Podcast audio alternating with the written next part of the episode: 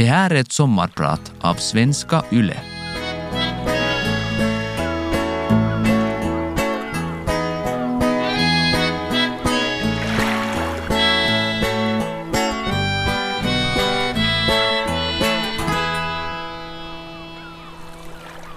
Vi sitter i källaren bland potatislådorna i vårt hem Sofieberg i Massaby i Kyrkslätt. Min mamma, min lillebror och jag som är tre år gammal. Pappa är inkallad, för det är krig. Nu flyger bombplanen igen en gång på låg höjd över vårt hus och vi har rusat ner till källaren för att söka skydd. Efteråt, som vuxen, har jag många gånger tänkt att det knappast hade räddat oss om bomben hade fallit rakt över vårt hus hade det nog slutat lika illa om vi så suttit i köket eller i källaren. Men det gav oss i alla fall en trygghet. Mamma hade inrett källaren med trasmattor och några fårskinnsfällar för att göra det lite mysigt. Hon hade också burit ner travar med tidningar och, och böcker och, och några favoritböcker som hon läste högt för oss barn i skenet av tända ljus. Tjuren Ferdinand är en av favoritböckerna. Och Snövit och Sjudvärgarna var också jätterolig och fin. Och Topelius sagor. Medan bombplanen cirkulerade över nejden. Det var kanske där och då jag lärde mig magin i att fly verkligheten om man nu kan kalla böcker, konst och teater för verklighetsflykt. Men i alla fall en parallell verklighet. Det har jag sen fått jobba med ett helt liv som skådespelerska. Ända fram till min pensionering år 1999. Och också de 20 åren efter det har jag haft lyckan att stå på scenen. Idag ska jag titta tillbaka på mitt liv minnas barndomen under krigsåren, Porkala-parentesen och mitt liv på teatern. Mitt namn är Ulla-Britt Boström. Jag kallas Ubi och idag är jag din sommarpratare. Nat King Cole, en av mina stora favoriter. I sången Mona Lisa ur filmen Captain Carey som kom år 1950 då var jag 14 år och älskade film. Det var fattiga tider, urfattiga tider jämfört med idag. Det fanns knappt mat på bordet. Min mamma gjorde allt för att sätta lite guldkant på den gråa tillvaron. Hon jobbade som sömmerska och var en mästare i att trolla fram snygga kläder av nästan ingenting. Gamla gardiner blev klänningar, barnkläder förstorades och skarvades i med diverse tygbitar i samma takt som vi växte. Kläderna syddes om gång på gång, blev någonting nytt. Och framförallt gav mamma alla sina extra slantar till mig och min bror så att vi kunde gå på bio och få en stund av verklighetsflykt. Jag är född år 1936 jag var alltså tre år gammal när vinterkriget bröt ut och åtta år gammal när freden äntligen kom i september år 1944. För oss som bodde i Kyrkslätt innebar krigsslutet att vi tvingades överge våra hem eftersom Porkala-området enligt fredsavtalet skulle utarrenderas till Sovjetunionen. Då sades det att ryssarna skulle ha området som militärbas i hela 50 år, alltså fram till år 1994. Det blev tack och lov en mycket kortare tid än det, som ni ju vet. På tio dagar skulle hela området tömmas. Drygt 7000 människor blev utan hem och allt deras bohag och all deras boskap skulle fraktas därifrån. Kyrkslätt var en av landsbygden på den tiden. Folk i byn fick hjälp av unga studenter från storstan som kom och hjälpte dem att skörda det sista av höstens skörd. Inget skulle lämnas kvar åt ryssen, allt skulle tas med. Vi tömde huset på alla möbler och saker och kläder. Min duktiga och tekniskt kunniga pappa hade byggt ett hemmagjort värmesystem i vårt hus. En panna som värmde huset och den monterades ner bit för bit och fraktades bort. Inget skulle ges gratis till ryssen. För vår familj gick flyttlasset via korta perioder i Esbo och Grankulla till Kronohagen i Helsingfors. Jag var åtta år gammal och skulle just börja andra klassen. Jag hade gått det första året i skola i Massaby och älskade min lärarinna Saida. Henne och mina kompisar skulle jag förstås sakna men annars minns jag faktiskt inte flytten som någonting traumatiskt. Barn kanske är mästare i, att ta verkligheten på rätt sätt. Eller så lyckades bara mina föräldrar, mitt i sin djupa förtvivlan och sorg, bespara oss barn. Jag såg flytten mest som ett äventyr. Kyrkslätt var rena bondvischan på den tiden. Det fanns bara åkrar, ängar, fält och skogar. Ingen biograf, inga bilar, ingen telefon, inga trevliga kaféer eller lyxiga restauranger. Inget av allt det där som lockade en liten flicka från landet som nu skulle bli storstadstjej. Jag minns det faktiskt som att jag hade himlen runt hörnet då vi flyttade till storstan. Vi råkade få en lägenhet på Manegegatan 2 i Kronohagen. En tvårummare på första våningen med fönster ut mot skvären. Och där växte stora fina lindar. Jag och min bror fick det ena rummet. Mamma och pappa sov i vardagsrummet. Där sydde också mamma på de där kläderna och tog emot sina kunder, alla de där tanterna som kom hem till oss och prövade klänningar. Allt allt vad hon sydde. Pappa var under perioder ute i fronten men hade också längre perioder hemma. Då jobbade han som expedit på Folkförsörjningsnämnden.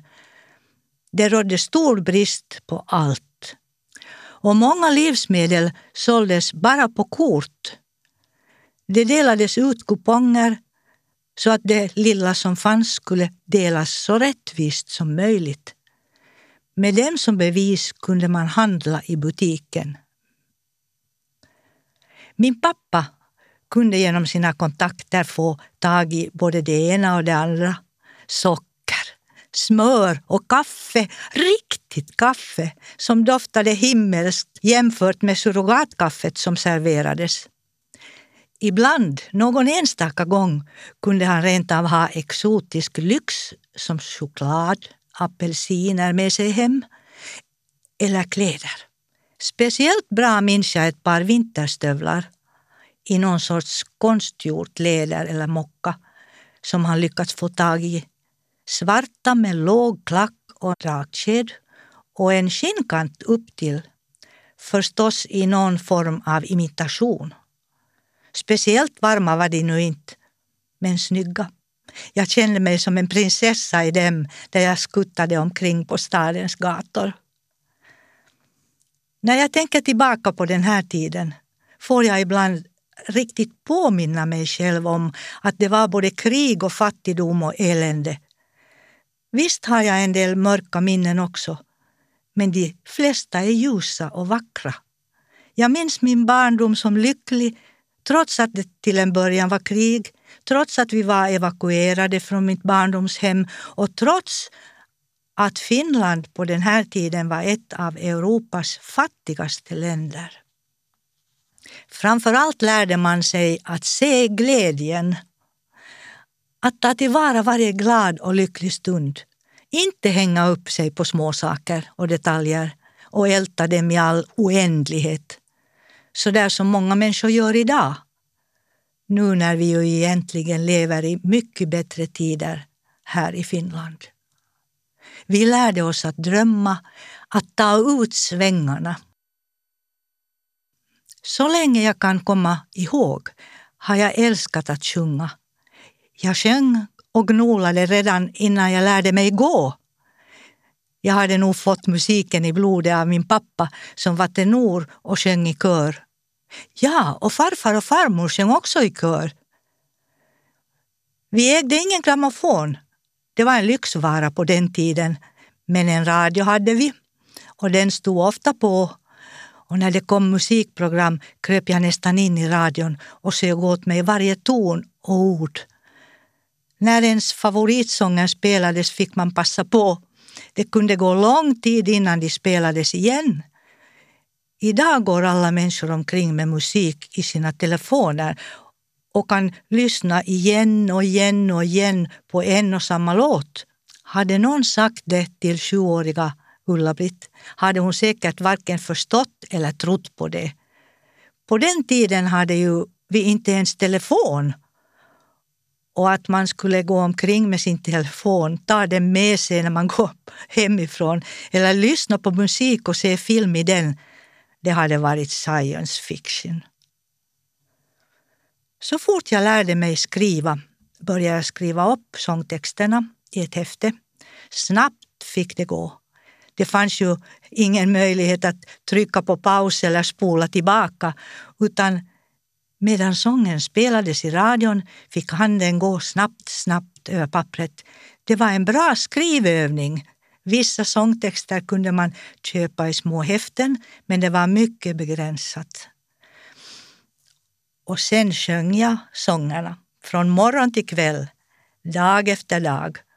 Om någon bad mig att sjunga kunde jag bli lite blyg och plötsligt tystna. Men skedde det på mitt eget initiativ var jag inte alls förargad och förlägen eller ledsen. Då stämde jag upp i gamla sladängor som Säg hur har du det med kärleken idag? Älskar du mig ännu? Har väl kyssen ännu? ja, eller kanske Besame, besame mucho. Orden på spanska som... Ah. Två solröda segel styr bort ifrån land ett hav som en spegel. Till saken hör att jag stammade på den tiden. När jag pratade alltså, när jag sjöng gick det som en dans. Inga stakningar. Kanske det var därför jag sjöng så ofta. Exakt när min stamning började vet jag inte. Men helt från början var det inte som riktigt liten talade jag utan stamning. Någonting hände. En morgon när jag vaknade hade jag blivit stammare. Kanske hade jag drömt någonting fruktansvärt. Kanske allt det som hände runt omkring mig och oss tog sig uttryck på det här sättet. Krig i Finland, pappa långt borta vid fronten, långa stunder i källaren under flygattackerna inte är det ju helt otänkbart att det var orsaken. En sånglärarinna som bodde i byn, Irma Laine hette hon, hade hört talas om att Boströmsflickan var duktig på att sjunga och att jag stammade så hon tog kontakt med min mamma och erbjöd sig att hjälpa mig. Med musikens hjälp trodde hon att hon kunde öva bort min stamning. Och så blev det. På kort tid blev jag som sjuåring av med min stamning med Irmas hjälp. Hon var en ljuvlig människa, temperamentsfull och ivrig, snabb i rörelserna och snäll. Hon hjälpte mig helt gratis. Mina föräldrar hade förstås inte råd att betala henne men mamma hjälpte henne med sömnadsjobb som tack. Ett år hann jag vara Irmas sångelev innan ryssarna kom och tog Porkala. men också hon måste evakueras och kom liksom vi till Helsingfors. Så jag fortsatte att ta sånglektioner med henne och sjöng också med i Helsingfors svenska flickor som hon dirigerade.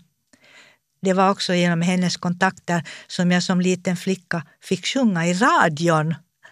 Vi sjöng flera gånger hos moster Molly. Hon var den finlandssvenska versionen av oerhört populära Markus Sätä på finska radion. Min scendebut gjorde jag 20 år gammal på en sommarfest i Evitskog i Kyrkslätt tillsammans med min mammas kusin Märta som var jämnårig med mig. Vi sjöng Tuttan och Ingeborg, två flickor små. Den var gjord av revykungen Ernst Rolf, en rolig sång som rev ner skrattsalvor och långa applåder. Jag var helt såld. Jag älskade att stå på scenen och insåg där och då att jag på något sätt måste få jobba med det här i framtiden. Lära mig att sjunga, bli kanske en sångerska. Jag heter Ruby Boström och idag är jag din sommarpratare. Finska a cappella-gruppen Club for Five tillsammans med min stora idol Robin Pakalén. Ja, ni hörde rätt! En 83-årig finlandssvensk tant älskar den 20-åriga finska popartisten Robin. Jag är absolut inte besatt av honom eller förälskad, nej, eller något sånt. Nej, nej, nej. Men nog, nog mycket förtjust. Ungefär på samma sätt som i Nat King Cole och Frank Sinatra i min ungdom. Det är något med Robins sätt att sjunga. Ingen, eller i alla fall väldigt få, sjunger som han. Han har en, en helt egen teknik, en helt egen färg i sin röst. Och så är det utstrålningen som är så äkta, så oförställd och så kommunikativ. Det strålar om honom hela tiden. Också då han inte står på scenen med strålkastarna riktade mot sig. Så där som de flesta artister är, kopplar på smilet när de jobbar. Det är nästan så att det strålar ännu mera om Robin då han inte står på scenen. Jag hade hört Robin sjunga i radio och tv och sett honom uppträda live flera gånger. Redan innan han medverkade i det finska tv-programmet Vain elämää. Det som alltså är Finlands motsvarighet till Så mycket bättre om ni följer med svensk tv. Men det var hans medverkan där som en gång för alla fick mig att bli ett av hans fans. Hans fantastiska utstrålning då han inte gjorde någonting. Han bara satt och lyssnade på andra artister. Hans sätt att bekräfta dem, vara närvarande och ärlig, ta för sig men aldrig på bekostnad av andra utan istället i samspel. Det är underbart att se. Jag har också sprungit på honom på stan där i Åbo, där vi båda bor. Flera gånger har jag varit så nära intill honom att jag skulle kunna lägga min hand på hans axel. Men det har jag förstås inte gjort. Det skulle ju bli helt fel. Hellre följer jag honom på avstånd. Jag tycker nästan att jag övervakar honom ibland. Vill beskydda honom. Följer noga med hans karriär och håller ett öga på att hans rådgivare och annat folk runt omkring honom inte förstör honom utan låter honom vara och utvecklas till den han är. Om det plötsligt hamnar in på fel spår kan jag eventuellt inte låta bli att blanda mig i. Skolan var aldrig mitt element. Jag hade oturen att ha flera olika lärare som överhuvudtaget inte förstod sig på mig. Flera av dem var direkt elaka och det gjorde att jag inte ville studera vidare. Istället sökte jag mig till mannekängskola, helt på eget initiativ och på egen hand. Mina föräldrar förstod knappt vad som hände. Det var ett sätt för mig att få stå på scenen. Det var ett snabbt sätt att få en utbildning, en kort och intensiv kurs där man inte behövde plugga och läsa och skriva utan fick jobba praktiskt. Vi lärde oss att stå, gå, posera, uppträda, Läraren på kursen tyckte att jag var så bra så jag anställdes som lärare på skolan för att utbilda andra mannekänger. Otroligt! Och han därför aldrig själv jobba som mannekäng så där på riktigt. Kort därefter såg jag en annons i Huvudstadsbladet där Svenska Teatern sökte efter dansare och sångare till en produktion. Orädd ringde jag upp. Självaste Carl Mesterton svarade. Han bad mig titta in och på stående fot anställdes jag för att medverka i kabarén Flugan. Det ena ledde till det andra och plötsligt var jag antagen på Svenska Teaterns elevskola 17 år gammal. Två år tog själva utbildningen. Dessutom fick jag ett så kallat stipendieår och kunde studera ett tredje år samtidigt som jag medverkade i olika produktioner och lyfte lön. Det var en underbar tid. Jag minns att jag för egna pengar kunde köpa ett kylskåp till mamma och pappa. Då var både de och jag mycket stolta. År 1956 utdimitterades jag som skådespelerska och samma vår fick Finland Porkala-området tillbaka. Efter en parentes på 12 år fick mina föräldrar flytta tillbaka hem till Sofieberg i Massaby. Jag flyttade aldrig med. Jag hade hunnit bli 20 år gammal och skaffat min första egna lägenhet i stan. Men jag minns återlämnandet mycket väl. Vi var mentalt förberedda på att huset skulle vara nedbrunnet eller rivet. Den där första dagen då Porkkala äntligen var finländskt igen, det var med bävan vi återvände. Men där stod vårt hus på kullen, visserligen illa tilltufsat och med tydliga märken av andras liv och slitage. Det var förstås en oerhörd lättnad att huset stod kvar. Glädjetårar trillade. Också om det kändes konstigt att veta att andra människor bott där i våra rum och helt tydligt inte behandlat huset på bästa sätt. Men blommorna hade de inte lyckats förstöra. Syrenerna slog ut, pionen blommade och rosorna. Hela sommaren gjordes en grundrenovering innan mamma och pappa och lillebror kunde flytta in igen. Ännu idag bor min bror kvar i huset tillsammans med sin hustru. Det händer att ryssar idag besöker det gamla Porkala-området och med saknad och glädjetårar återser sin barndoms tassemarker som de förstås upplever som sitt barndomslandskap. Och det var det ju, också om de ockuperat vårt barndomslandskap. Det är märkligt det här med krig och fred och länder och politik.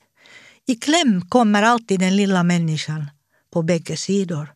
Det är grymt att tvingas lämna sitt hem så som vi hamnade att göra 1944.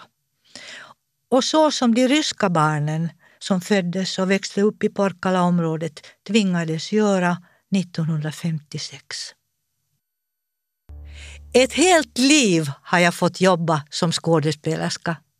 Jag blev fast anställd på Svenska Teatern genast efter elevskolan och jobbade där från morgon till kväll tillsammans med mina idoler som nu var mina kollegor. Leif Wager, Erik Lindström, Henake Schuback, Nanni Westerlund och Gerda Rysselin! Rätt som det var tyckte jag ändå att livet kändes lite tomt. Också om jag levde mitt i min dröm. Jag insåg att jag saknade en familj och träffade snart mannen som jag kände skulle bli pappa till mina barn. Vi gifte oss och fick tre underbara flickor. Tripp, trapp, trull. Lyckan var total. De har skänkt och skänker ännu idag så mycket glädje. Det är underbart att vara mamma och mormor inte bara till tvåfota utan också fyrfota älsklingar. Jag har alltid älskat hundar och både jag och mina flickor har haft många hundar genom åren. I samband med att mina flickor föddes valde jag att säga upp mig från min tjänst på Svenska Teatern. På den tiden var mammaledigheterna mycket korta och för det mesta obefintliga. Och jag var verkligen inte beredd att lämna bort barnen. Vi försökte en kort tid men jag kände hela tiden att jag gjorde fel. Så jag blev frilansare, var mamma på heltid och skådespelerska på deltid. Gjorde någon enstaka roll på någon teater. En hel del radioteater. En hel generation finlandssvenska barn minns mig som Malenas mamma i tv-versionen av Marita Lindqvists barnböcker om Malena vars mamma dör. Det var en fin roll att spela och ännu idag händer det att jag springer på någon grånande 40-50-åring som känner igen mig för den rollen. På den här tiden regisserade jag också amatörteater och undervisade ungdomar i skådespeleri. Allt för att kunna vara hemma med mina flickor på dagarna. Idag är rollerna ombytta. Idag är det allt oftare mina döttrar som får hjälpa mig och det är förstås en lyx att ha tre vuxna barn som kan hjälpa en. Men helt friktionsfritt och lätt är det inte när rollerna byts. När det plötsligt är de som frågar mig om jag har ätit, om jag har ätit tillräckligt mycket, tillräckligt näringsrikt, om jag sover som jag ska, motionerar du, tar du dina mediciner, sköter om dig. Det är förstås bara av välvilja och omtanke, det vet jag. Men det händer att jag reagerar som ett litet barn med trots. Som sagt, rollerna är ombytta. Jag stod i tiderna där och tog emot deras trotsande. Nu får de ibland ta emot mitt. Förlåt mig för det, kära flickor. Mitt liv har förstås inte varit besparat från sorger, lika lite som någon annans. När man har levt så här länge som jag har man tvingats ta avsked av många vänner och kollegor, släktingar och många hundar. En av mitt livs stora sorger är skilsmässan från mina döttrars pappa. Men inget är så illa att det inte för något gott med sig. Skilsmässan gjorde att jag vågade hoppa på ett erbjudande om att jobba på Åbo Svenska Teater som kom att bli min hemmascen. 20 fina år i ett streck fram till min pensionering jobbade jag där och lärde mig att älska huset, publiken och staden som har blivit som en del av mig. Finlands vackraste teatersalong och teaterhus. Det blev nästan som en förlängning av min egen kropp. Nu har det gått exakt 20 år sedan jag gick i pension och fortfarande saknar jag huset intensivt. Jag ser allt som spelas där och går dit så ofta jag kan. Ja, 20 år som pensionär. Här sitter jag, 83 år gammal och ser tillbaka på ett långt och rikt liv medan du lyssnar på mig. Fylld av tacksamhet är jag över både med och motgångar. Ju äldre jag blir har jag lärt mig att ta och se motgångarna för vad de är. De har format mig till den jag är. Snabbt har det gått, livet, precis som den finska sommaren. Ta tillvara varje dag av sommaren, av livet, kära lyssnare. Tack för att du har lyssnat på mig. Mitt namn är Ulla-Britt Boström och idag har jag varit din sommarpratare.